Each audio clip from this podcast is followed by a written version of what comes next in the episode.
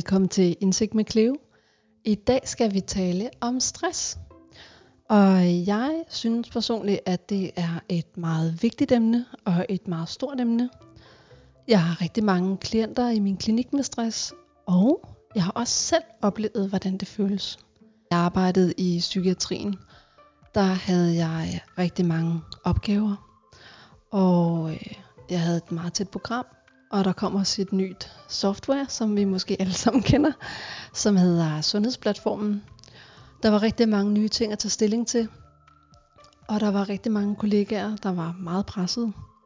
Samtidig så var det i en periode, hvor at min søn var 5 år og sov dårligt om natten.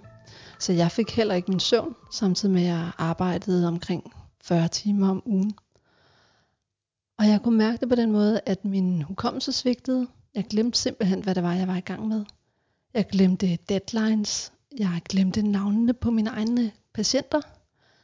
Jeg blev også meget kortlundet og irritabel, og jeg kunne simpelthen ikke tåle, hvis folk kom ind på mit kontor og ville forstyrre mig med, med et spørgsmål eller en opgave. Og jeg blev også mere og mere bekymret om, hvad andre tænkte om mig. Altså den her øh, selvhenførende tankegang, man kan få, når man er rigtig, rigtig presset. På et tidspunkt, der øh, kunne jeg mærke, at det her, det var ikke mig, at jeg skulle videre. Jeg havde i mange år troet, at det var min passion at arbejde inden for psykiatrien, og især med skizofreni. Men øh, jeg besluttede mig for, at øh, nu skulle jeg holde op. Nu skulle jeg være selvstændig, og det tror jeg var det, der reddede mig dengang. Ellers så kunne jeg lige så godt have været sygemeldt. Jeg skulle i hvert fald bare væk derfra. Så det er min personlige historie, og øhm, det er derfor, at jeg godt forstår, hvor lidelsesfuldt og hvor forvirrende det kan være at have stress. Og også grunden til, at jeg har inviteret virkelig, virkelig dygtige Eva Born Poulsen på besøg i dag. Hun er simpelthen så sej, at hun har arbejdet med stress i 15 år. Og hun har talt sammen, at hun nok har haft omkring 2.000 forløb. Øhm, så jeg er rigtig nysgerrig på hendes perspektiver om stress, og øh, vi har snakket om, at i dag skal det handle om stress i forhold til corona, fordi stress er et meget bredt emne. Så mange gange velkommen til. Tak skal du have, Cleo. Øh, og tak fordi jeg måtte komme. Jeg glæder mig rigtig meget til i dag faktisk, for jeg synes det er lige præcis nu og i de her dage, at det kan give mening at tale om, hvad er det lige nu, vi mærker og ser, også i vores fag, mm. i forhold til stress og tilpasningstilstande og, og de forandringer, der sker omkring os. Lige præcis, fordi at rent diagnostisk kalder man det jo en tilpasningsreaktion. Er det, det vil man sådan helt formelt kalde det, jo. Ja. ja. Og det handler jo om, at der er noget i omgivelserne, som, som der er for mange ting, der tilpasser sig på samme tid mm. over længere tid. Mm. Men vil du ikke fortælle om, øhm, hvordan du landede her i dag? Hvordan du fik øjnene op for stress? Det var lidt af en speciel fortælling, ja. har du fortalt mig i optog. ja, for jeg må jo indrømme, at øh, det jo på mange måder faktisk er lidt tilfældigt, at jeg kom til at arbejde med det her. Øhm, helt tilbage, jeg læste psykologi i Aalborg, på Aalborg Universitet. Og der var, var, på det tidspunkt i hvert fald, der var sådan nogle overbygninger, så når man læste sine, sine to sidste år, så kunne man vælge et område, man kunne arbejde med særligt. Og mit, det var så arbejds- og organisationspsykologi, fordi jeg altid sådan tænkte, at jeg skulle ud og være organisationspsykolog, og jeg skulle være konsulent, og jeg skulle ud og have, øh, hvad hedder det, opgaver på arbejdspladser. Mm. Øhm, og da jeg så har haft den her overbygning, så, har jeg, så er det så særligt, at vi er kun tre, der vælger den, og vi har to undervisere. Øh, så vi er tre elever og to undervisere, de er begge to øh, erhvervspsykologer, så vi følger simpelthen i røven på dem, for at sige det direkte. Jeg ved ikke, om jeg må sige det. det må man pod- gerne. Okay, det er godt. det er mig, der ejer den. Jeg bestemmer mig godt for banden. det er godt. Så vi følger simpelthen efter dem, og er ude som en slags mesterlæreroplæring sammen med dem i to år, og ser, hvad de laver. Øhm, og da jeg så er ved at blive færdig, så tilbyder mig, at den ene af mig en ansættelse. Og det gør han i noget, der på det tidspunkt blev startet i Nordjylland, som var på det tidspunkt Danmarks første øh, sådan øh, internatbaseret stressbehandlingsprogram. Fedt. Ja, Internatbaseret. Internatbaseret. Hvad betyder det? det betyder, at vi simpelthen fik folk, der var sygemeldt med stress, og så fik de lov til at have et ophold. Så de, de havde et ophold sammen med os i syv dage, hvor vi underviste dem øh, i stress og i stresshåndtering, og hvor de fik forskellige former for tværfaglige behandlinger. Så det kunne være musikterapi, eller det kunne være fysioterapi og afspænding. Wow. Så på den måde, så var det helt tilfældigt. Jeg står der og er ved at lige være færdig, og du ved, hvordan det er, når man er nyuddannet, så tænker man, nå, jamen hold da op. Mm. Det landede lige ned i min lomme og få tilbudt den stilling. Og så er jeg siddet inden for stressområdet lige siden i forskellige former. Øhm, og har egentlig jo altid været privatansat og arbejdet rigtig meget netop ud fra sådan en erhvervspsykologisk perspektiv. Øhm, og så har jeg så her de seneste år, for jeg altid sådan synes, der ligesom på en eller anden måde var noget, der ikke var, der manglede, når jeg i hvert fald havde individuelle samtaler. Mm. Og jeg synes, der var rigtig meget, det kunne. Jeg har også en baggrund, hvor jeg er uddannet inden for noget, der hedder kognitiv terapi, som jeg tænker, at vi også har snakket om i podcasten. Ikke nu faktisk. Nej, okay. Nej. Jeg har, jeg har fortalt lidt om øh, min rejse væk fra kognitiv terapi. Okay, ja, det er jo så også det her, det jeg kommer til at sige nu. Ja. at jeg startede med at få en efteruddannelse inden for kognitiv terapi, og den kan rigtig meget, men jeg synes simpelthen, der var noget, der manglede. Ja, og det jeg var synes, lige præcis det, jeg er det sagde. rigtigt? Ja. Nej, hvor sjovt. Ja. Nå, Der øh, mangler krop og følelser og dybde. Lige præcis. Lige præcis. Så, og jeg kunne mærke nogle gange, og det var så også den, den, den gamle bølge, hvor man sad rigtig meget med skema, og skulle sidde med de der forskellige ark i samtalen. Det føltes simpelthen ikke naturligt for mig, Nej. og det føltes på en eller anden måde sådan påtaget og skævt. Der var altid mm. noget, der ikke, der ikke sådan dukkede op. Øhm, så derfor kom jeg ind inden for de sidste øh, 3-4-5 år, har jeg så taget en kropsterapeutisk efteruddannelse, hvor det hele fokuset handler om kropskontakt og nervesystem, og få fornemmelse af nervesystemer med ind i samtalerne. Og så lige pludselig kan jeg mærke, at der er kommet alt det, jeg manglede. Og jeg har en oplevelse af, at samtalerne er blevet alt det, jeg ikke synes, der var til stede før, hvis det giver mening. Det giver meget mening. Ja. Ja. Jeg sidder for kuldegysninger, fordi vi har haft samme rejse. Ej, hvor er det sjovt. Øh, jeg havde en, en supervisor, der var øh, eksistentiel og kropsfokuseret. Ja. Og øh, så har jeg øh, hvad hedder det, fået videreuddannelse i ACT, Ja. og øh, er også tilbøjelighed til at bruge dialektisk adfærdsterapi, Ja. som tager rigtig meget udgangspunkt i emotionsregulering Mm. og kroppen Mm. samtidig. Mm. Og de tre ben, øh, de har givet mig lige præcis alt det, jeg manglede for Ja, fantastisk. terapi. Fantastisk. Jamen, og selv, jeg tog jo også en, jeg har taget sådan en øh, MBCT-uddannelse, som er mindfulness-baseret kognitiv terapi. Ja. Øh, ovenpå, og den kan også rigtig meget. Jeg bruger meget mindfulness også i mine samtaler, men jeg manglede stadigvæk. Mm. Altså fordi mindfulness kan rigtig, rigtig mange vigtige ting, også særligt i stressbehandling. Men der mangler stadigvæk noget omkring fornemmelse af nervesystem i det hele taget, som jeg først føler, jeg har fået, efter jeg har taget den uddannelse. Ja, og bare lige til lytterne. Mindfulness, det er det her med en tilstand, som vi gerne vil være i, hvor vi er meget til stede i omgivelserne, Mm. Og hvor vi har ro på kroppen, Mm. hvor vi føler os tilpasse. Mm. Og der bruger vi nogle redskaber, øh, mindfulness træning til at nå til den her tilstand. Mm. Og, øh, og hvad var det forkortelsen hed? MBCT, MBCT, og det Ja. står for mindfulness-baseret kognitiv terapi. perfekt. Yes.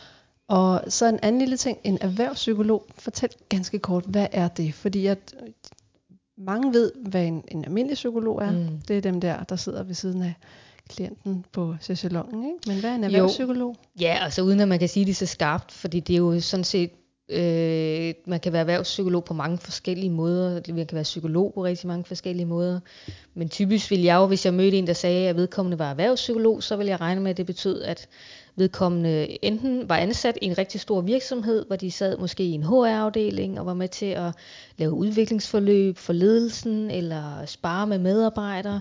Det kan også være, at man sidder i nogle store konsulentvirksomheder, og så er man med ude og lave for eksempel arbejdspladsundersøgelser, eller arbejde med det psykiske arbejdsmiljø på arbejdspladser. Øh, laver konflikthåndtering for eksempel kan det være. Det kan også være, at man er netop ude og holde kurser i stress og stresshåndtering, som jeg har gjort rigtig meget. Øhm, så det er typisk alt sådan noget, der handler om øh, vilkår og øh, indsatser i arbejdsmiljøet. Ja, Mm. det gode arbejdsmiljø Det gode og evner. Psykiske arbejdsmiljø. Og, Ja. ja. Fedt, Mm. fedt. Jeg, jeg synes, det, jeg har fået lidt feedback på mine podcaster. Et Ja. af dem er, at øh, vi taler for meget psykologsprog. Mm. Så jeg øver mig på at være opmærksom på, at nu skal vi lige have en bevidsthed om at oversætte en gang imellem, så, Det er så godt, du siger det. alle øh, kan få adgang til det her. Mm. Og en lille sløjfe, når vi snakker om kognitiv terapi, Mm. så er det en terapiform, der blev udviklet op gennem 70'erne. Der er tre bølger, og det tager meget udgangspunkt i tankerne. Filosofien er her, at øh, gennem omstrukturering af tanker, skemaer, alternative tanker, så kan vi øh, teste vores tanker i adfærden i omverdenen, og vi bliver mere mere bevidst om, øh, hvilke tanker, der er realistiske, og hvilke tanker, der er enten depressive, ængstlige osv. Og derfor skal man så udvikle de her nye tanker. Og min pointe, og jeg hørte også din pointe, Eva, er, at, at når det hele handler om tanker og skemaer, så går der rigtig, rigtig meget tabt. Både indhold, men også kontakten til klienten. Det har i hvert fald været min personlige oplevelse, og jeg tænker, at jeg har også oplevet, at der er nogle temaer eller nogle klienter, hvor det fungerer super godt, og ja. Det er helt rigtigt. Men som udgangspunkt, så, så var der bare rigtig mange steder, hvor jeg følte, jeg manglede noget, mm. Hvor jeg ikke følte mig godt tilpas i metoden. Jeg bruger det rigtig meget til opstart. Ja. Øh, fordi det synes jeg øh, virker helt vildt godt, at vi lige får et overblik over tankerne, Mm. og vi får lige testet nogle, nogle tanker af, og så går vi videre til det, der hedder hverdagen, nuet, værdier osv. Men nu skal vi ind på dagens emne. Eva, kan du prøve at beskrive for mig, øhm, forestil dig, at jeg er en, en klient, og jeg skal forstå, hvad det her stress er.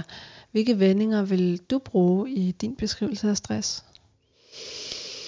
Jamen, jeg tror, noget af det, jeg altid rigtig siger noget om, fordi der er jo rigtig mange, der også spørger mig, hvad skal jeg holde øje med? Ja. og hvornår skal jeg gøre noget? Øh, og så kan jeg sige noget om, og det gør jeg også, så plejer jeg at sige, "Ved du hvad, det du skal kigge lidt efter, det, det, det, er, det, det er både selve stresssymptomet, som jeg nok lige om lidt skal sige, kan være, mm. kan være, men det er også graden af det. Ja.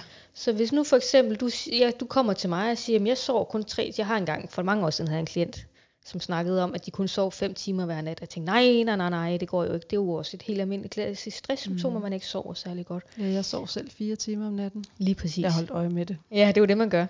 Øh, men det viste sig jo så efter en samtale eller to, at vedkommende havde altid sovet fem timer. Det var vedkommende søvnvaner. Okay. Så det vi skal kigge på, det er jo ikke kun selve symptomet, det er, men er, at der er sket en forandring. Mm. Er der noget, der har ændret sig? Og hvor længe har den forandring stået på? Så hvis nu vi taler søvn igen, jamen plejer jeg at sove 8 timer hver nat, og lige pludselig sover jeg kun meget få timer. Og har jeg gjort det over en længere periode? Fordi en nat, vi kan alle sammen have en dårlig nat. Vi kan alle sammen have to dårlige nætter. Men når vi begynder at kigge på, okay, nu er det jo sådan flere uger, det har været sådan. Ja. Det er det, jeg interesserer mig for. Og i forhold til det, så er de første ting, jeg altid tjekker af med folk og snakker med dem om, det er jo det her med søvn. Det er jo den helt klassiske. Øh, og der kan man både opleve, at man ikke kan falde i søvn. Man ligger og roder rundt og har rigtig mange tanker og er urolig. Måske har man det, vi kalder restless legs, som er, at, at man spjætter med benene. Det er som om, det, det strammer i, øh, i læggene, og man er urolig. Øh, og det andet kan være, at man falder i søvn, men så vågner man lysvågen klokken to eller tre eller fire om natten Ja, alt for tidligt. alt for tidligt. Så det er jo typisk hvad de forandringer, man ser. Så igen, mm. der er noget omkring søvn, men det, det vi skal, du skal lægge mærke til, eller vi skal lægge mærke til, det er, er det blevet anderledes, og hvor længe har den forandring stået på?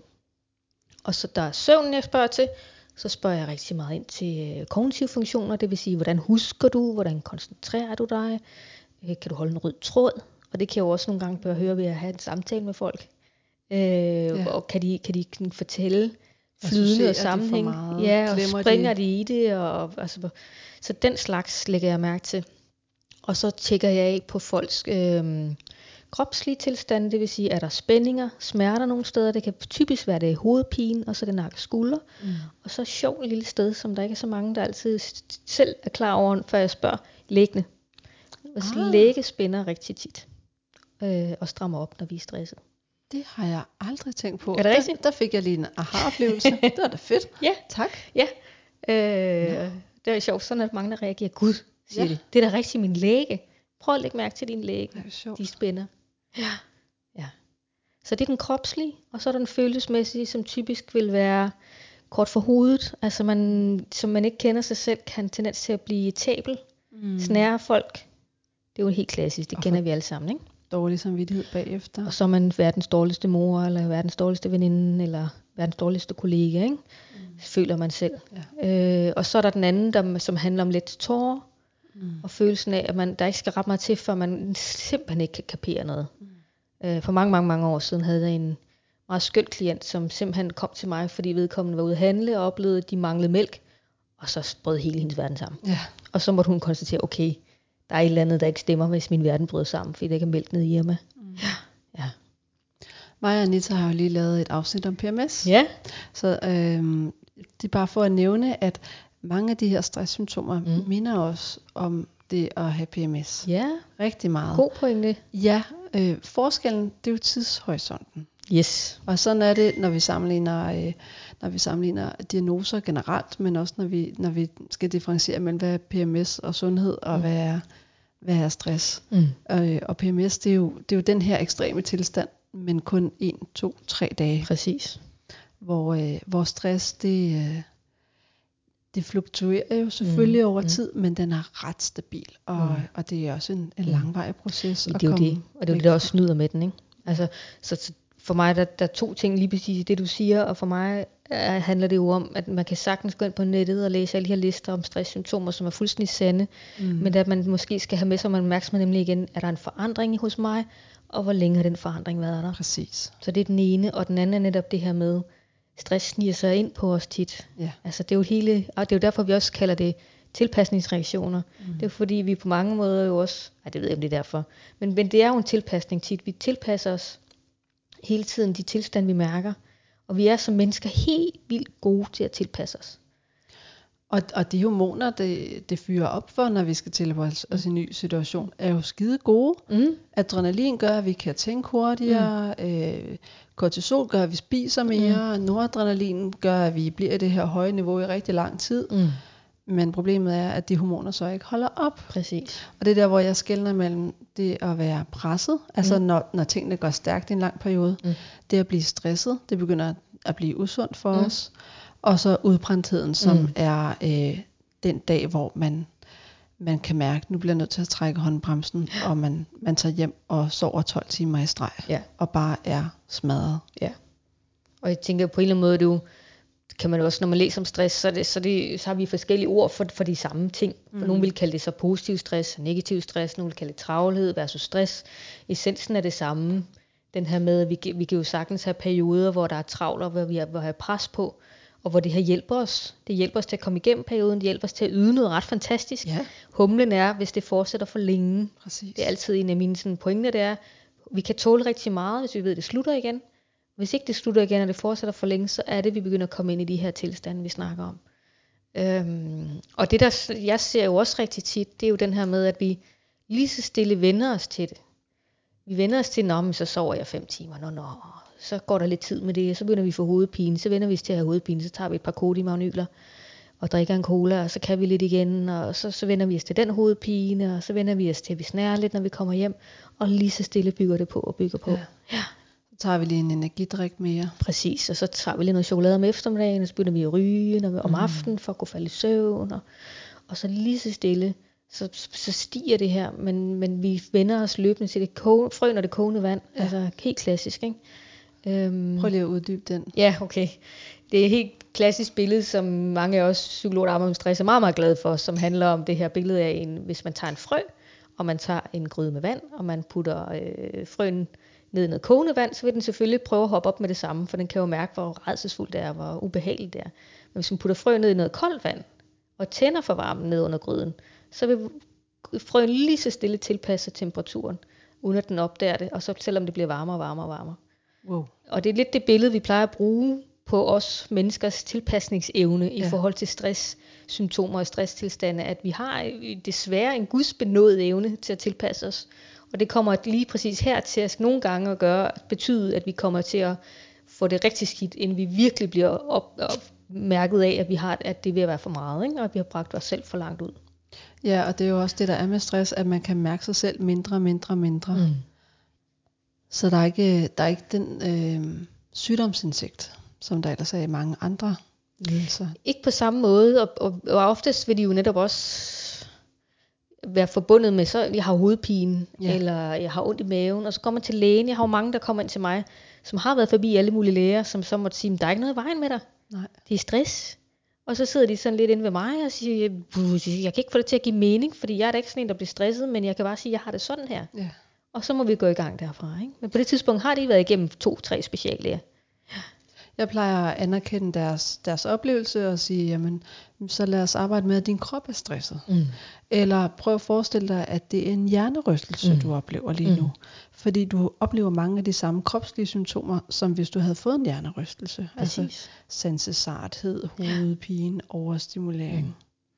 Ja, og jeg tænker netop også, at det, det prøver jeg jo også at sige noget om, at uanset hvad det stammer fra, så, må vi jo, så er det jo klart, at hvis man har en lang periode, hvor man er optaget af, og man bare fejler noget, og skal gå til en masse undersøgelser og blive bekymret, så belaster det os jo også. Ja. Så bliver vi jo også stresset af bekymringen, ikke? Ja. Så uanset hvad der startede, så vil den, her, så vil den periode jo også give uro.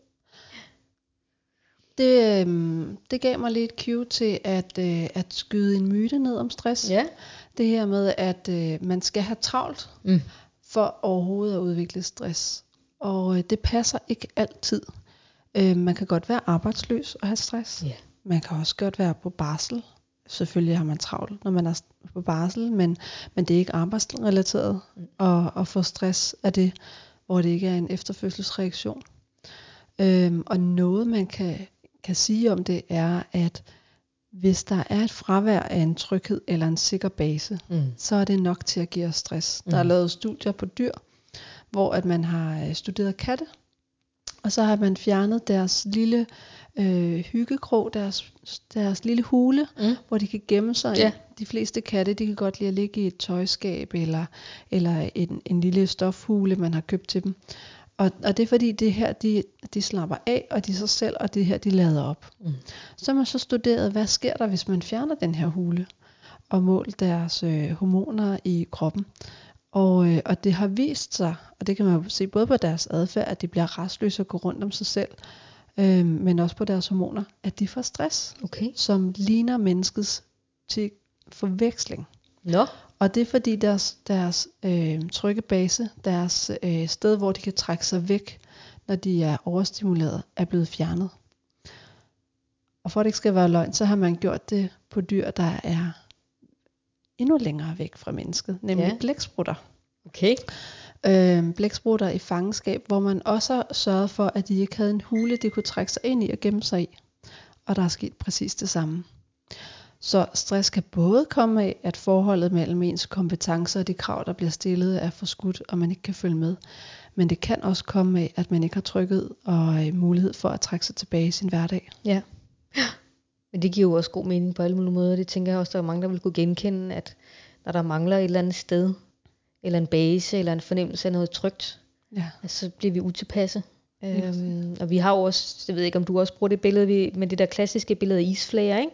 Nej, At- nej. prøv at fortælle. Den her med, at vi, øh, vi har nogle sådan flager, vi står på. Isflager, der er noget, øh, noget, nogle baser, som handler om vores hjem og vores øh, hvad hedder det, baggrund. Så handler det om vores arbejde, så handler det om familieliv og fritidsliv. Og vi kan godt tåle, at en af dem er lidt shaky. Ja. Måske halvanden, to, men de må ikke alle sammen. Der må ikke være for mange, der er u, sådan ustabile på samme tid. Det er sjovt, jeg bruger en metafor om kogeplader. Ja, Fordi hvis man står og laver mad, øhm, så er der helst ikke mere end to, der må stå på højeste blus og bulle og koge. Fordi vi har kun to arme. Vi kan ikke røre i fire gryder på Mm. samme tid, uden det går ja galt. fuldstændig samme princip. Hvad har du gjort dig af tanker i den her mærkelige tid med alle de her voldsomme omstillinger? Mm. Hvad er det, du har bemærket?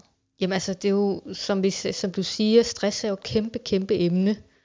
Så derfor, så, så for ligesom at snævre det ind, så kommer jeg i, ta- i tanke om, at lige nu ser vi noget, vi ikke har prøvet før. Det synes jeg jo selvfølgelig er rigtig interessant fra min stol, at vi sidder øh, i forhold til at se mennesker med stress, og se de her tilpasningsreaktioner, som vi kalder dem, og se, hvad der er folk, de bliver påvirket af lige nu, så er det jo på mange måder anderledes end før, og det synes jeg er interessant. Mm. Øh, og det, jeg har oplevet først og fremmest lige starten, da vi alle sammen bliver sendt hjem, og landet bliver lukket ned, så at sige, der oplever jeg jo, at rigtig de, mange af de mennesker, jeg så og talte med på det tidspunkt, som havde stress, de fik det rigtig godt. Ja, det så jeg også. Ja. For der var ikke nogen chef, der havde travlt med at få dem hjem. Nej. Der var, man skulle ikke hjem, og man skulle, og det er noget af det, som jeg oplever faktisk også, der kan virkelig dukke op i sådan nogle øh, stresssygemeldinger. Det er jo en oplevelse hos den, der er ramt, at man, hvad hedder det, øh, at man hele tiden skal forholde sig til at stilling til, er jeg klar nu, er jeg klar nu, er jeg klar nu. Så folk kommer meget hurtigt, meget, meget menneskeligt og naturligt til tiden at overveje at skulle sådan mærke efter i sig selv, skal jeg, kan jeg starte i morgen, kan jeg starte på mandag? Og de tanker i sig selv og den mærken efter, kan nogle gange faktisk vedligeholde sådan en, en utilpasset eller en stresstilstand. Så da landet lukker, så fjernes hele den overvejelse hos dem, der var havde stress på det tidspunkt, eller var sygemeldt. Ja. Og det gjorde faktisk, at folk fik det markant bedre.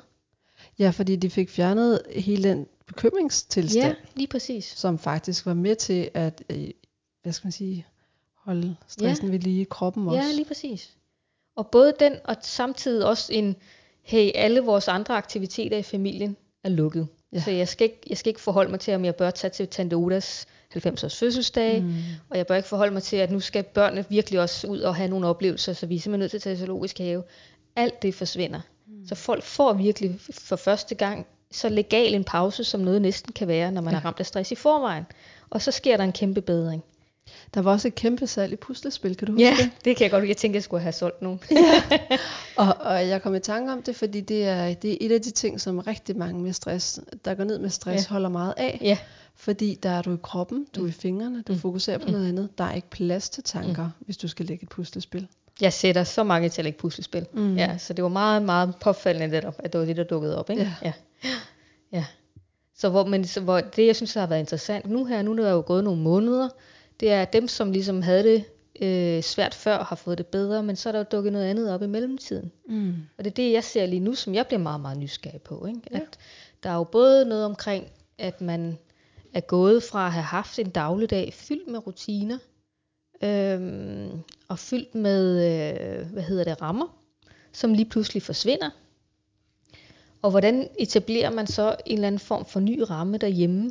Øh, hvordan får man mm, opretholdt en form for sund ramme omkring, hvor meget arbejder jeg, hvor lidt arbejder jeg, hvordan arbejder jeg, når den der, de der ydermarkører forsvinder. Giver det mm. mening? Ja. Når, når jeg ikke skal stå op på et bestemt tidspunkt, men når mit arbejde ikke længere ligger øh, i Ballerup fra klokken 8 til klokken 16, men det er sådan set kun det starter, når jeg lige beslutter mig for det, når jeg tænder computeren, og det stopper, når jeg beslutter mig for det, og slukker computeren. Hvad, hvad gør det ved mennesket at have så hvide rammer, når det hele flyder sammen? Mm. Prøv lige at fortælle lidt om, hvorfor vi overhovedet taler om det som en central del af det med stress. Jamen, det jo, handler jo om, at, at vi som mennesker generelt er- har nogle gange rigtig svært ved at skulle afgrænse os øh, mm. i forhold til vores arbejdsliv. Altså, det, vi har også tit brug for, at vi, vi sammen kollektivt vurderer, hvornår det er rimeligt, jeg arbejder, og hvornår arbejder jeg ikke. Øh, fordi vi også har brug for pauser, og vi har også brug for at lave noget andet, og vi har brug for at blive revet væk i det, og få puttet noget, nogle andre ting ind i vores liv. Det giver jo sig selv.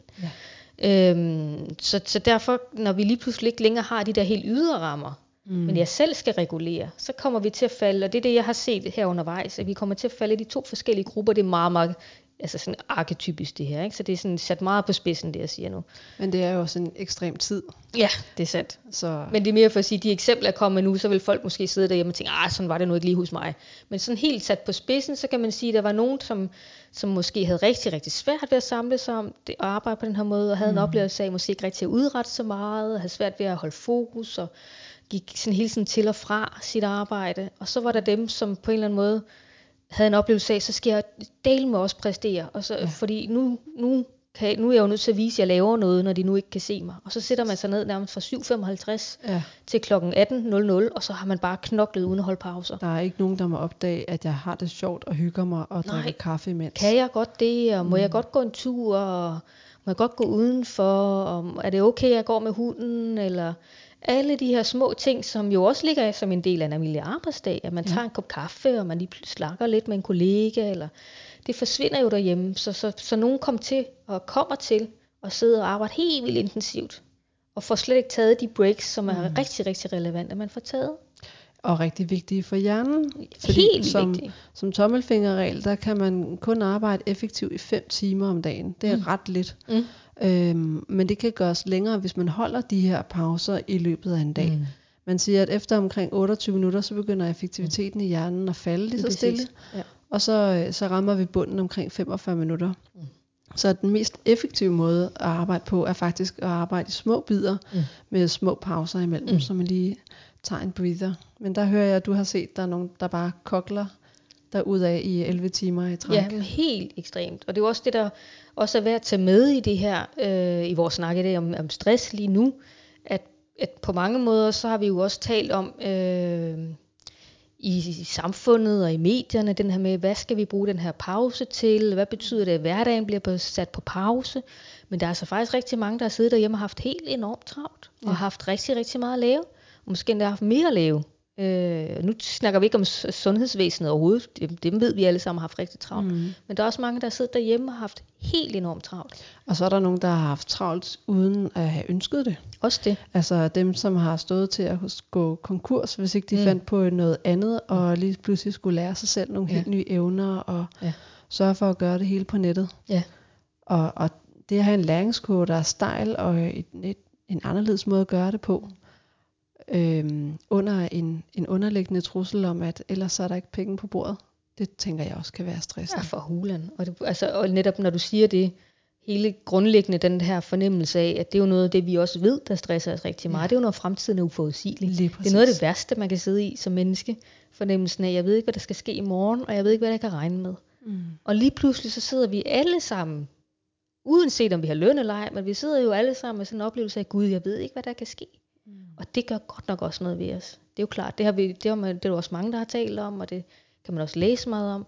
Men den her fornemmelse af netop, at det virkelig også sætter gang i hele vores nervesystem, at det gør os urolige, at det gør, at vi øh, hvad hedder det, bliver mere anspændte, mm. og i det sig selv kan, kan virkelig påvirke hele fornemmelsen af, om man er i, i, hvad hedder det, i ro, eller om man netop har sådan en fornemmelse af, at kroppen faktisk er i en spændingstilstand. Ja. ja high arousal. Kan man lige præcis, det. lige præcis.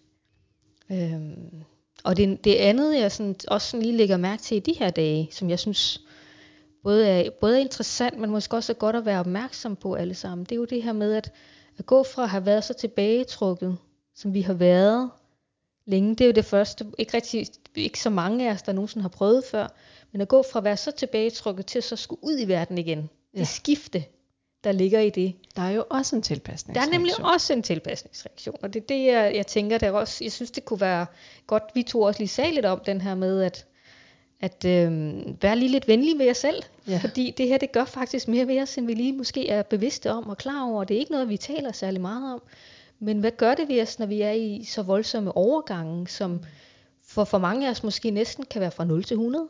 Ja. Altså har siddet hjemme, måske bor man alene, og har arbejdet hjemme, og så lige pludselig få at vide, nu møder vi ind på mandag, det er jo skønt, og hvor bliver mm. det dejligt at se mennesker igen. Men at sidde helt alene hjemme, ud på en arbejdsplads, gennem myldretid, og Præcis. ind til 50-60 mennesker, alle de input, der kommer på den måde, samtidig med, at vi selvfølgelig skal jo knokle, og nu skal vi have ekstra travlt, fordi nu skal vi mm. virkelig indhente alt det der. Ikke? Og vi skal samtidig også nå at snakke med kollegaerne. Og vi skal tjekke op, og vi skal tjekke ind. Mm. Og det er på alle mulige måder præcis det, vi har brug for, som er rigtig godt. Men bare den der med lige med, måske bare lidt venligt opmærksomhed at anerkende, hey, det gør også, at jeg kommer måske til at blive ekstra træt. Eller jeg kommer måske ja. til at blive lidt presset, eller jeg kommer måske til at blive lidt overvældet, eller træt, når jeg kommer hjem, eller... Det minder mig meget om øh, post-sommerferie, altså ja. efter sommerferiestress, det her med, ja.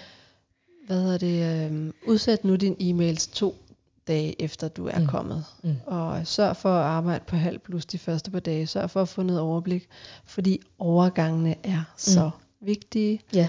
Også når vi, øh, når vi klapper bøgerne og computeren sammen, mm.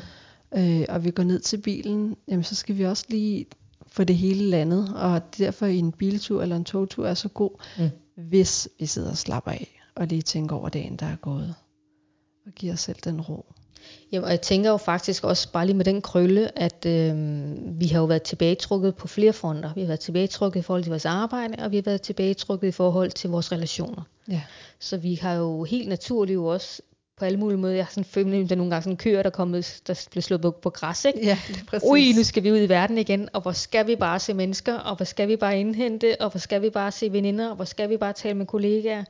Og det er den, jeg, jeg, jeg vil gerne bare lige vil sige lidt om, der hedder, ja. hey, det, det, det er så fint, og det skal vi, og vi skal virkelig bare ud og mærke verden igen, men det kommer også til at gøre noget ved os. Vi kan, vi, I hvert fald, hvis vi altså nu, jeg er jo et introvert menneske, så jeg kan jo hurtigt godt mærke, at jeg kan blive overvældet eller overstimuleret og træt.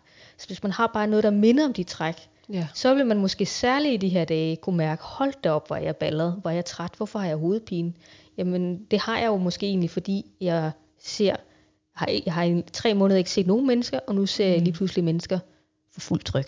Og det tænker jeg også gælder for, for folk, der har ramt af stress, fordi, Ja. eller har været ramt af stress. Mm. Fordi at efter en stressperiode, så er der den her fantastiske gave, der hedder det indre kompas, hvor man kan mærke sine grænser og sine følelser meget tydeligere end mm. før. Så man er også blevet mere sensitiv i sådan nogle situationer. Jeg kunne godt lige tænke mig at lave en lille krølle, Mm. fordi at øh, der er nogle misforståelser derude omkring det at være introvert og være ekstrovert. Mm. Og være indadvendt og være udadvendt. Mm. Så det tænker jeg gerne lige vil indsparke med en lille infoboks her. Mm. Øhm, fordi det at være udadvendt, det betyder, at man, øh, man taler med mange mennesker, og at man taler måske meget, og man deler meget om sig selv. Man er meget åben, kan det også sammenlignes lidt med. Hvis man er indadvendt, så er man mere øh, genert, holder sig lidt tilbage, eller man kan måske opleves som, som lidt arrogant, men det er i virkeligheden, fordi man er indadvendt. Så er der introvert og ekstrovert. Det er ikke det samme, fordi at det kan godt være, at den introverte også godt kan lide selskab. Og, øh, og den introverte behøver ikke at være genert eller tilbageholden. Men den introverte øh, får tømt sine batterier. Det koster energi at være ude og være social. Og jo flere mennesker, jo hurtigere bliver batteriet tømt.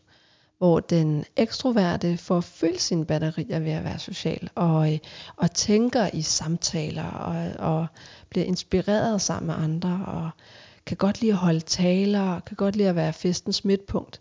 Så, så det handler mere om, øh, hvor, hvor meget power og action man kan lide omkring sig i forhold til øh, dybde og, og tempo og, og nærhed med en eller to personer i stedet for. Øhm, hvor indadvendt udadvendt handler om, hvordan man, man mærkes, når man er sammen. Om man er meget med åbne arme, eller man, man holder sig lidt for sig selv og, og er lidt genert og tilbageholden af den ene eller den anden grund. Det havde jeg bare lige brug for at slå et slag for. Mm. Fordi at hvis man er introvert, så betyder det ikke, at man er asocial, eller man ikke vil andre, eller man ikke kan lide at være sammen med andre. Man har bare en lidt lavere tærskel for, hvornår nok er nok, mm. og hvornår man er udmattet. Mm. Og så tænker jeg jo også, fordi jeg er fuldstændig enig med det, du siger, og så tænker jeg jo også, at mange af os, der er introverte i denne her tid, har måske egentlig godt kunne være derhjemme og være alene, men Ja. opdager måske også, hey, vi har en grænse Ja. for det her, at vi faktisk også når et punkt, hvor vi kan mærke, at det er ikke godt længere. Nu har jeg haft nok mig tid. Nu, nu trives jeg faktisk ikke i det længere, og det kan også noget for mig. Mm. Det her med at være sammen med andre mennesker og mærke deres energi og mm. mærke deres input. Det jeg i hvert fald tænker, når vi snakker om de her overgange, det er bare lige sådan en fornemmelse af, hey, det, det, det kommer nok til at, uden at det skal være et problem, men i hvert fald bare lige en, en anerkendelse af, selvfølgelig kommer jeg til at blive træt. Mm. Eller selvfølgelig kommer jeg til at få hovedpine, eller selvfølgelig kommer jeg til at blive lidt øh, utilpas, hvis jeg går fra slet ingenting til, til fuld program. Og det du nævner lige nu, det er jo, det er jo nogle øh, eksempler på angst, øh, ikke angstsymptomer, stresssymptomer. Mm. Det her med hovedpine og udmattelse ja. og uro i kroppen. Ja, lige præcis. Altså hvis vi lige skal tage den med rutinerne, så tænker jeg jo, der er jo noget omkring at, også at mærke, at når man har fået reddet alle sine rutiner op med rod, som vi jo på en eller anden måde mange af os gjorde, ikke? Mm. så skal de etableres igen. Og det kan man godt også lige skulle opdage, skal tage lidt, tage lidt tid og få, få, et eller andet, få, få en fornemmelse af at komme tilbage og ind i noget af det, man kender. Øh, Lave nogle nye rutiner. Det er Lige- ligesom hvis man er sygemeldt eller på barsel. Mm, ja, lige præcis. Og måske også bare lige mærke betydningen af dem, ikke? For at passe på sig selv.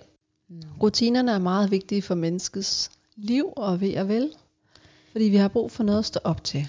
Ja, vi har brug for nogle rammer, ikke? Altså, vi har brug for en fornemmelse af, at, at vi ligesom skal afsted på et bestemt tidspunkt, og vi har godt af og øh, netop også at få struktur øh, ja. i forhold til vores hverdag. Øh, og det tror jeg på en eller anden måde, at vi alle sammen jo selvfølgelig godt har vidst. Men jeg tror også nu, vi alle sammen sidder og har en virkelig en, en dyb erkendelse af, at Gud, det er da rigtigt. Fordi Ja. nu har vi alle sammen prøvet, hvad det vil sige, når de ikke er der. Ja. Og det synes jeg er meget interessant, ikke? Når søvnen skrider, vi Søvnen kommer skrider, ud, vi får ikke lige så meget motion, Ja, vi og- glemmer måske at spise frokost. Og hvor hurtigt det kan falde fra hinanden. Ja. Det er jo helt vildt. Og så står vi nu alle sammen og skal så have etableret dem igen. Mm. Og det er så også det, hvor jeg på en eller anden måde, det er jo lidt ligesom, når, vi har, når jeg har folk, der er sygemeldte med stress, når de skal tilbage i arbejde, Ja. så laver jeg jo en optrapningsplan.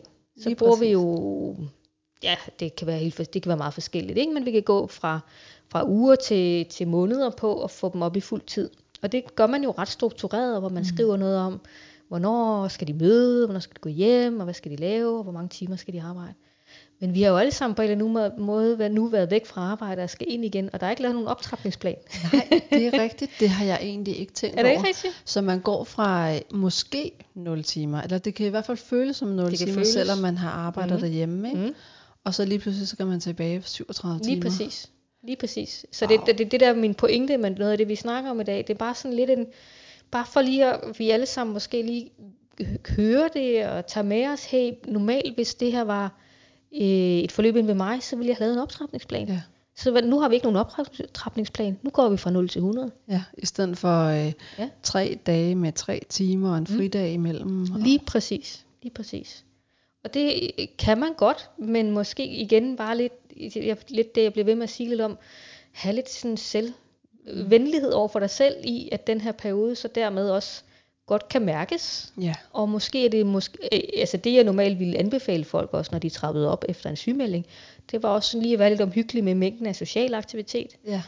Lav ikke alt for mange aftaler. Sørg for måske i weekenden, at du i hvert fald har en hel dag uden aftaler, så du ikke sådan lige får brugt dig selv for hurtigt. Mm. Og det er det, jeg mener med, når vi kører på græs. Ikke? Altså, vi er, vi er både startet på arbejde, men vi vil også ud og se alle de mennesker, vi har savnet. Så vi gør på en eller anden måde alt det modsatte af, at det man vil anbefale, hvis det her havde været ja. klassisk stresssygemelding. Det er det jo ikke for nogen af os, men, men igen bare en forståelse af, at hey, jeg skal måske ikke give den fuld gas, jeg skal nok nå det. Jeg har en hel sommer til at se folk. Og det giver jo også god mening, fordi at jeg, jeg har endnu ikke mødt en klient, som, øh, som havde stress, som vidste, hvad det var, der var på vej. Mm. Eller som selv havde valgt det, så at sige. Ikke? Mm. Det er fordi, ofte er det fordi, man kører i et sindssygt højt gear, og så siger det smæk bagefter. Lige præcis. Så hvis vi kører et højt gear, jamen tænk hvis vi kan få stress af at være sociale. Ja. Det tror jeg godt, vi kan. Ja. Fordi som, øh, som vi også snakkede om, i forhold til, til barsel, så kan man jo også få arbejdsløshedsstress af at gå derhjemme, Mm. når man ikke er noget for nogen, og man samtidig skal pukle alt, hvad man kan for at sørge for, Mm. for sikkerhed Mm. og fremtid. Mm. Ja, så på mange måder, det er jo det der, det er jo det der igen også er, er udfordringen lige nu, det er, at vi ved det ikke. Vi, vi, altså vi ved ikke, hvordan folk kommer til at reagere på det her, og det kommer jo selvfølgelig også til at være helt enormt forskelligt. Men bare være nogen, have en opmærksomhed på, at der er lige noget af det, vi gør lige nu, Mm. som vi helt klassisk ser, kan give nogle tilpasningsreaktioner. Ja. Så, så derfor kan det være godt at tænke i, at jeg skal passe på mig selv, jeg skal ikke have for travlt, jeg skal også huske egentlig, selvom jeg har været helt vildt meget hjemme og tilbagetrukket, så måske ikke lige gå all in fra i morgen, Mm. men sprede det lidt ud. Så det er sådan meget lavpraktisk. Ja, Ja. og så tror jeg også, at vi har en, en, en lille forbandelse i gåsøjne, at, at vi har, øh, det tager lang tid at lære nye vaner. Mm. Man siger, at det tager omkring fire uger, Mm. men det tager under en dag at aflære dem igen, hvis de er nye. Ikke? Ja, det er en god pointe. Og det er lige præcis det, som jeg tænker også, at jeg har i hvert fald lagt mærke til, hvis jeg lige skal sådan tage nogle øh, her og nu eksempler med de klienter, jeg har talt med inden for de sidste par uger. De kommer meget til at vende det her med, at øh, ikke at have gode vaner lige nu, til at øh, handle om dem selv, som ja. Værende det, de ikke har formået. Ja. Så det bliver også en af mine kæpheste i de her dage, at sige, hey, det er, en kollektiv, det er et kollektivt fænomen. Ja. At som du siger, det er så hurtigt at aflære vaner igen. Det er noget, vi rigtig mange af os står i lige nu. Det er naturligt. Og det er noget, vi rigtig mange af os kæmper med lige nu, det er at få genetableret de her vaner, fordi det tager tid. Så det der med igen, måske bare lige at have med, hey, det er ikke kun mig, der, der, der ikke kan finde ud af noget, eller det er ikke kun mig, der er gået i stå, eller det er ikke kun mig, der kæmper med at komme tilbage i løbeturen, eller hvad, den gode kost, mm. eller vinen om aftenen, eller hvad det nu kan være. Ikke? Det er noget, vi alle sammen kæmper med lige nu. Ja, og så skal man også huske på, at jo mere i overskud vi er, jo nemmere er det at handle i overensstemmelse med vores værdier. Fordi der kan vi mærke, hvad der er godt for os, og vi kan mærke vores grænser, og vi kan mærke, hvad vi har lyst til. Men når vi er underskud, og vi er udbrændte, og vi er stressede, mm. og vi har for mange eller for få ting at se til, så er det netop i den tid, at vi falder tilbage i de dårlige vaner. Fordi vi har brug for noget, der giver en kortsigtet belønning, mm. for at holde ho- hovedet oven vandet, og, og kunne holde det ud, når vi har nederen tanker om os selv. Altså et klassisk eksempel er, at man begynder at ryge. Det gør man ikke nødvendigvis på en, en god dag, hvor man er i overskud, og det hele kører, og man handler i overensstemmelse med værdierne, hvis værdierne fortæller en, at man skal leve sundt. Det gør man, når man når man skal give sig selv en, en lille hurtig belønning, og enten være afslappet, eller holde sig selv vågen, eller hvilken grund man nu har til at ryge. Helt vildt god pointe, fordi jeg tænker lige præcis det, vi snakkede om før med, at noget af det, vi ved, vi ikke trives godt i, det er uforudsigelighed. Ikke? Ja. Og så stiger vores arousal. Præcis. Vores nervesystem, det er jo det, jeg, jeg tænker altid meget i. Vores nervesystem mm. bliver strammet op, det er det, jeg plejer at sige. Og det betyder netop, at vi falder tilbage på sådan stimulans. Jeg skal beroliges, eller jeg skal stimuleres. Det er cigaretterne, eller det er glas hvidvin, eller det er ostepops, mm. eller det er pizza, eller, eller hvad det nu end kan være. Ikke? Og så på den måde, så falder det, så smuldrer det for os. Mm. Og det, vi er tilbage ved den der med at sige, hey, der er rigtig mange af os, der har oplevet det her smuldret. Så hvis du sidder derude og tænker, ej, hvorfor kan jeg ikke? Præcis. Så får jeg bare lyst til at sige, hey, det er der ikke rigtig nogen af os, der kan lige nu. Men vi skal nok komme derhen. Ja. ja. Og min pointe er også, at, at når man er i underskud, så har vi alle sammen dårlige mm. vaner, og der er altid en belønning i de dårlige vaner, og der er altid en pris. Øhm, selvfølgelig har, har de gode vaner en højere belønning og en lavere pris, men når vi er underskud, så er der ikke overskud til det. Nej, lige præcis. Så vær god ved jer selv derude, og, og prøv at få styr på den der selvkritiker. ja. Nå Eva, jeg opfordrer altid mine gæster til at tage en øvelse med.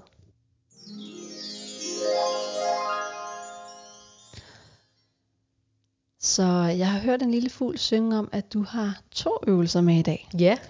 Den ene handler om noget med kroppen, mm. og den anden handler om noget med glæde og taknemmelighed. Ja. Vil du introducere din øvelse for meget os? Meget gerne, meget gerne. Øhm, den ene er jo sådan en helt klassisk vejrtrækningsøvelse, som øh, jeg altid har været helt vildt glad for, fordi den er så enkel og let at huske. Jeg kalder den bare 4 gange 4 Nogle andre vil kalde den noget andet.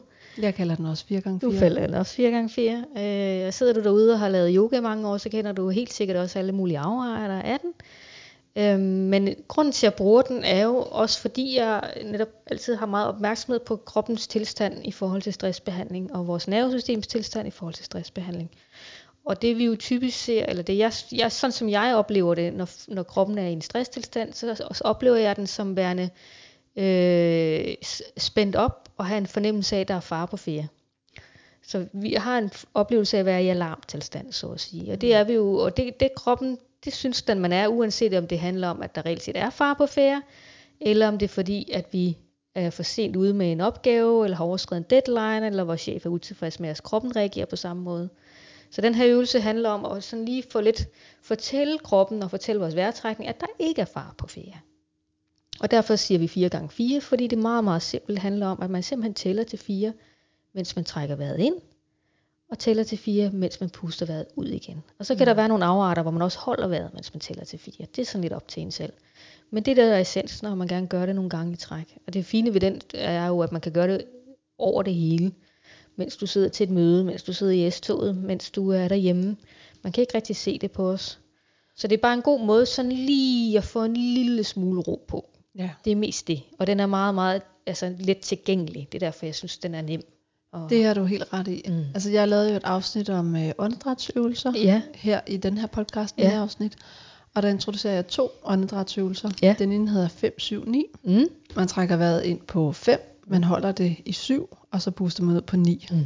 Og det kræver noget træning for at overhovedet kunne det. Mm. Og der er 4x4 meget bedre, når man ikke er vant til at lave åndedrætstræning.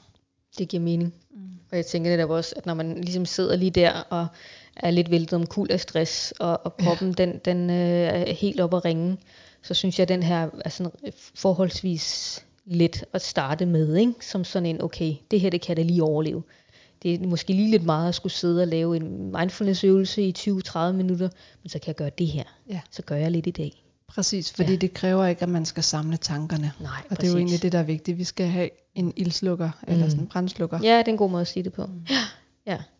Og så den anden, jeg har taget med, det er, øh, den kært barn har mange navne. Øh, jeg plejer at sige de tre bedste ting.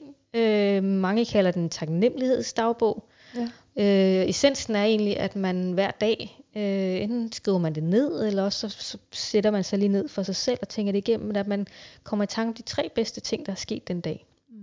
Og den synes jeg kan bruges af rigtig mange mennesker på alle mulige forskellige måder med mange forskellige problemstillinger.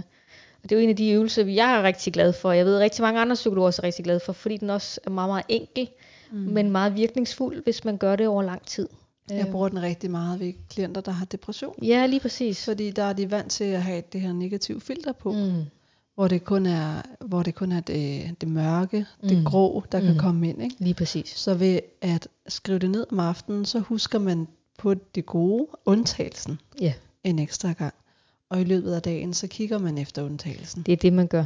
Og det er også derfor, jeg bruger den, fordi der er jo en del af stressbilledet, og stresssymptomerne er jo også en oplevelse af, at vores tankemønstre bliver rigtig negativt orienteret. Vi bliver meget selvkritiske. Vi har en tendens til ikke at få øje på det, der dur. Og så har vi en tendens til at være rigtig, rigtig gode til at lægge mærke til alt det, vi ikke får gjort. Ja. Helt klassisk også på en arbejdsdag, at når vi cykler hjem, så det eneste, vi tænker på, det var alt det, vi ikke nåede. Mm. Så for mig er det her også en del af, af sådan at arbejde lidt med det, der hedder, hey, skal vi lige prøve at kigge på, hvad du faktisk fik nået i dag? Ja. Og hvis vi breder den endnu længere ud, hvordan har, hvad har egentlig været godt i dag? Og jeg plejer at sige, at øvelsen handler om, at man skal finde tre, men der er ikke noget, der er for småt. Så det kan lige så vel være, at jeg havde drak en dejlig kop kaffe, eller solen skinnede, Mm. eller at øh, jeg fik lov til at sove længe i morges. Altså det er ikke så vigtigt. Det her, essensen er at finde en træ. Ja. Mm.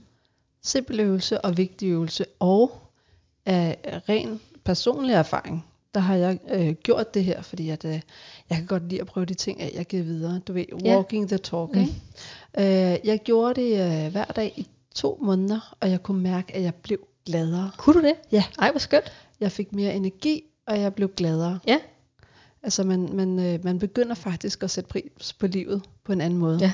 Og det er jo også en af de øh, få sådan, øh, værktøjer, hvor man kan se en, en effekt på, på en, den størst mulige procent Ja. af populationen. Ja. Ikke?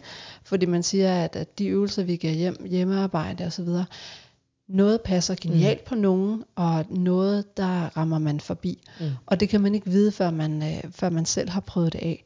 Øh, men man har fundet ud af gennem forskning, at hvis man laver, det kræver, at man laver det hver dag på et fast tidspunkt, så man, så man husker det. Men hvis man laver det hver dag, så har det faktisk en, en langvarig effekt i forhold til mange andre øvelser. Ja, og det er også nemlig øh, derfor er jeg så tryg ved at dele den ud, Ja. fordi det er sådan en af dem, hvor man med helt ro i maven kan sige, hey, vi, det, er ikke, det er selvfølgelig ikke for alle, men helt overvejende, så kan vi se, at det her, det kan virkelig noget, Ja. som er så enkelt, ikke? Hvor er det fint. Og fordi hvor at, øh, at klienten siger, ej, det er da alt for banalt, og det sagde min sidste psykolog også, og så videre. Hvis det handler om selvværd, så kan man altid lige øh, krydre den lidt, og så sige, okay, hvad for tre ting er jeg stolt af, at jeg fik gjort i løbet af dagen? Ja. Og hvad siger det om mig? Ja. Altså putte et tillægsord på. Ja. Fordi det er det, jeg kalder selvværdstræning. At man begynder at beskrive sig selv med nogle positive okay. tillægsord. Det er for eksempel, at øh, jeg fik vasket tøj. Hvad siger det om mig? Jeg er hygiejnisk, eller Ja. jeg er ordentlig, Ja. eller patentlig.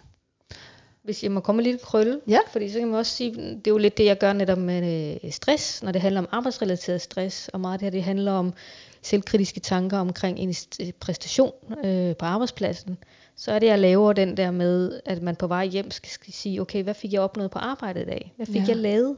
Fordi man meget, meget hurtigt kan få en fornemmelse af, at jeg fik intet nået. Ja. Og så må man jo tænke, jeg sad derinde i otte timer, jeg har nok fået lavet et eller andet. Så når jeg nu tænker mig om, jo, jeg fik da taget det telefonopkald, eller jeg fik sendt den mail, eller jeg fik talt med den borger, eller jeg fik talt med den kunde, eller hvad det nu kan være. Det giver god mening i forhold til rutiner og arbejdsrammer og overgange. Lige præcis. At vi parkerer dagen Lige præcis. og kommer hjem til hverdagen, i stedet for at, at tænke på alt det, vi skal i gang med næste dag. Lige præcis. Fordi så sidder vi netop mentalt fast på arbejdet. Lige præcis. Så kunne jeg godt tænke mig at øh, høre, hvad du har med af anbefaling Ja. dag. Det kan være bøger, podcast, serier, noget kulturelt, der optager dig og interesserer dig for tiden. Jamen altså, nu kommer jeg jo til at vise nogle lidt mere personlige sider af mig selv. Men Det er jeg, det, der er meningen. Ja, det tænkte jeg nok. Øh, men jeg har simpelthen, øh, for det første er jeg vild med podcast. Ja. Øh, jeg går jo på arbejde og hjem igen hver dag, og der er cirka 35-40 minutter hver vej. Så det er en dejlig måde at få lidt motion og bevægelse på, men det er også en helt vildt dejlig måde at gå igennem byen på og mm. høre podcast. Ja, Øh. være inde i en anden virkelighed og lære nogle samfund og nogle personer at kende. Som, Ja, men altså også apropos overgangen. Ja. Altså det er også at skabe overgangen, og jeg kan godt lide det der med at gå igennem byen på gåben, frem for at skulle drøne rundt i trafikken på cykel, og det tempo, der er der. Ikke? Så jeg går, og så hører jeg podcast, og lige pt. har jeg simpelthen sådan en for- forkærlighed for sådan nogle podcast, der handler om de der øh, lidt forførende, spændende personligheder, som alligevel viser sig måske ikke at have ren, helt ren mel i posen. Jeg skulle lige til at sige, at du beskriver dem på en meget pæn måde. Ja, jamen, jeg prøvede også at være lidt pæn. Jeg ved jo Øh, godt på forhånd, hvad det er, du vil Ja, det er anbefale. det. det, er jo det. Så øh, på en mindre pæn måde, så kan man måske kalde dem bedragere, eller dem, som skaber nogle kulte, kultledere, kunne man også sige. Ja. Og der er faktisk utrolig mange meget, meget interessante podcasts om de her lidt særlige typer af mennesker, som på en eller anden måde forfører os alle sammen. Ja. Og det er grund til, at jeg er så fascineret af, det er jo fordi, alle kan blive forført. Det synes jeg er rigtig spændende. Hvis man sådan, ligesom mig synes, det er meget, meget fascinerende at høre lidt omkring måske de her organisationer eller mennesker, der, der er på den her måde, så er der en fra BBC, det hedder The Missing Crypto Queen. Og det er en podcast? Det er en podcast. Det er en podcast. Ja, og så er der en øh, podcast, der hedder Uncover, og det er sæson 1, som hedder Escaping Nexium. Det er meget, meget svært at stave, men hvis I søger på Uncover sæson 1, så burde det dukke op. Ja. Og så er der en, der hedder Dropout, som er om Elizabeth Holmes, som startede et øh, rigtig stort, øh, hvad hedder det, medicinalvirksomhed i USA, og det viste sig jo, at øh, der var slet ikke var hold i alt det, hun sagde. Mm. Ja. Tre spændende podcasts om kultledere, bedragere og forførere. The Missing Crypto Queen, The Dropout og Uncover sæson 1 med Escaping Nexium. Perfekt. Mm. Og så kunne jeg her på falderæbet godt tænke mig at høre om dine nærende aktiviteter. Det er jo sådan, vi har en kollektiv liste her i podcasten, øh, så, vi, så vi lidt inspirerer hinanden øhm, i forhold til de, øh, de drænende aktiviteter, der dræner dig, og pligtbetonede aktiviteter, så på den anden side, de aktiviteter og øh, ting, du gør, eller kan lide at lave, eller stimulere dig med, når du har mig tid og skal lade op og, og nære dig selv, fylde batterierne op. Ja. I hvert fald udover det, jeg lige sagde med at gå igennem byen Mm. og høre podcast, så øh, jeg har her på mine senere år simpelthen fået en eller anden optagethed af at gå og nørkle med mine planter. Så jeg, har få, jeg er simpelthen blevet en plantenørd på min gamle dage, han har sagt. Ja. Jeg elsker planter, og nu står jeg af altanen hver eneste dag og sår for frø, og det er meget, meget simpelt, men det er på en eller anden måde meget, meget beroligende at stå ja. der og pille øh, i dem og pleje og potte om. Og, øh, så det er en del af det. Det er sådan, det, hvad kan man gøre i hverdagen? Det giver god mening, fordi mm. man kommer ned i hænderne, Ja. og man ser noget vokse, og man Ja. har noget at give lidt kærlighed, og Ja. nipse små skud væk, og Ja, ukrudt, og sørge for, at de har det godt. Alle de der pinde på samme tid. Ikke? Ja. Den der med netop at få lov til at bruge sin finmotorik, Mm. og netop se, at der er et resultat af det, man laver. Ja. Og, øh, og så det, det er grønt øh, og natur i sig selv. Det, så på mange måder kan det jo rigtig meget. Øhm, så det er sådan hverdags Mm. øh, næringen. Og hvis jeg så skal, der skal lidt større ting til, så er jeg jo sådan en typen, der godt kan lide for eksempel at lege et sommerhus eller en svensk ødegård. Og så simpelthen bare pakke bilen med mig selv og mine ting og køre ud, og så sidde og kigge på noget vand og tænde op i en pejs Ej, det lyder og fantastisk. drikke noget kaffe og øh, kigge langt. Jeg har noget med det der med at kunne kigge langt. Ja. Det gør virkelig noget godt for mig. Og når man bor inde i byen, som vi gør, og bor inde i København, så er det begrænset, hvad der er horisont. Mm. Så derfor kan jeg finde på simpelthen øh, helt væk fra særlig støj, og ud, hvor man kan se langt ud i Ja. naturen. Det gør så meget godt for mig. Hvor der er lyde af natur, Yes. og flotte udsigter, og horisonter, Ja. og træer, Og en pejs, jeg kan tænde op i. og en pejs. Ja. Ja. ja, og så er det hyggeligt også. Ja, lige præcis. Det er det, jeg gør. Det lyder som den, den fedeste opladning. Ja. Det er også det, som mange forfattere gør. Er her det med, det? Ja, de trækker sig tilbage og. Ja. går i skrivehi.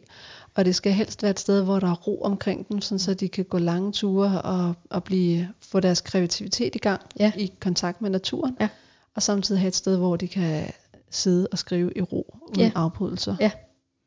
Og jeg, jeg, det er gået op for mig, fordi i gamle dage, ikke, der havde jeg jo de der tanker om, nu skal jeg jo derud, og så skal jeg skrive mit blogindlæg, eller jeg skal Mm. lave min hjemmeside. Nej, jeg skal ikke. Nej, Jeg skal ikke noget der. som helst. Det er dit helle. Præcis. Præcis. Tusind, tusind tak, fordi du kom, Eva. Jamen det tak, har fordi jeg måtte. fornøjelse. Det har været så hyggeligt. Ja, Ja. selvfølgelig har det det. og jeg håber, I derude har lært en hel masse om tilpasningsreaktioner og stress, og husk nu at passe på jer selv, også når I skal tilbage på arbejdet. Mm. Husk nu at lave de her overgange. Kunne du tænke dig at læse mere om Eva og læse hendes blogindlæg om stress, så skal du gå ind på øh, psykologerne.dk, og du kan finde Eva inde i den afdeling, der hedder Indre By, og læse hendes blog der. Så har vi også en øh, Facebook-side, der hedder Psykologerne, hvor vi løbende lægger blogindlæg op, og selvfølgelig en Facebook-side og Instagram-side, der hedder Indsigt med Cleo, hvor at du øh, vil kunne se et billede af Eva og vores fine tavle, hvad det er, vi har snakket om i dag. Tusind tak, fordi du lyttede med. Pas rigtig godt på dig selv. Kan du lide den her podcast, må du meget gerne efterlade 5 stjerner, eller fortælle videre til dine venner, at vi findes. Tak for i dag.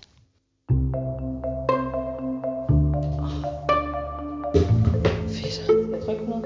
Ja, du må gerne stoppe den. Jeg kan altid lægge musikken ind bagefter.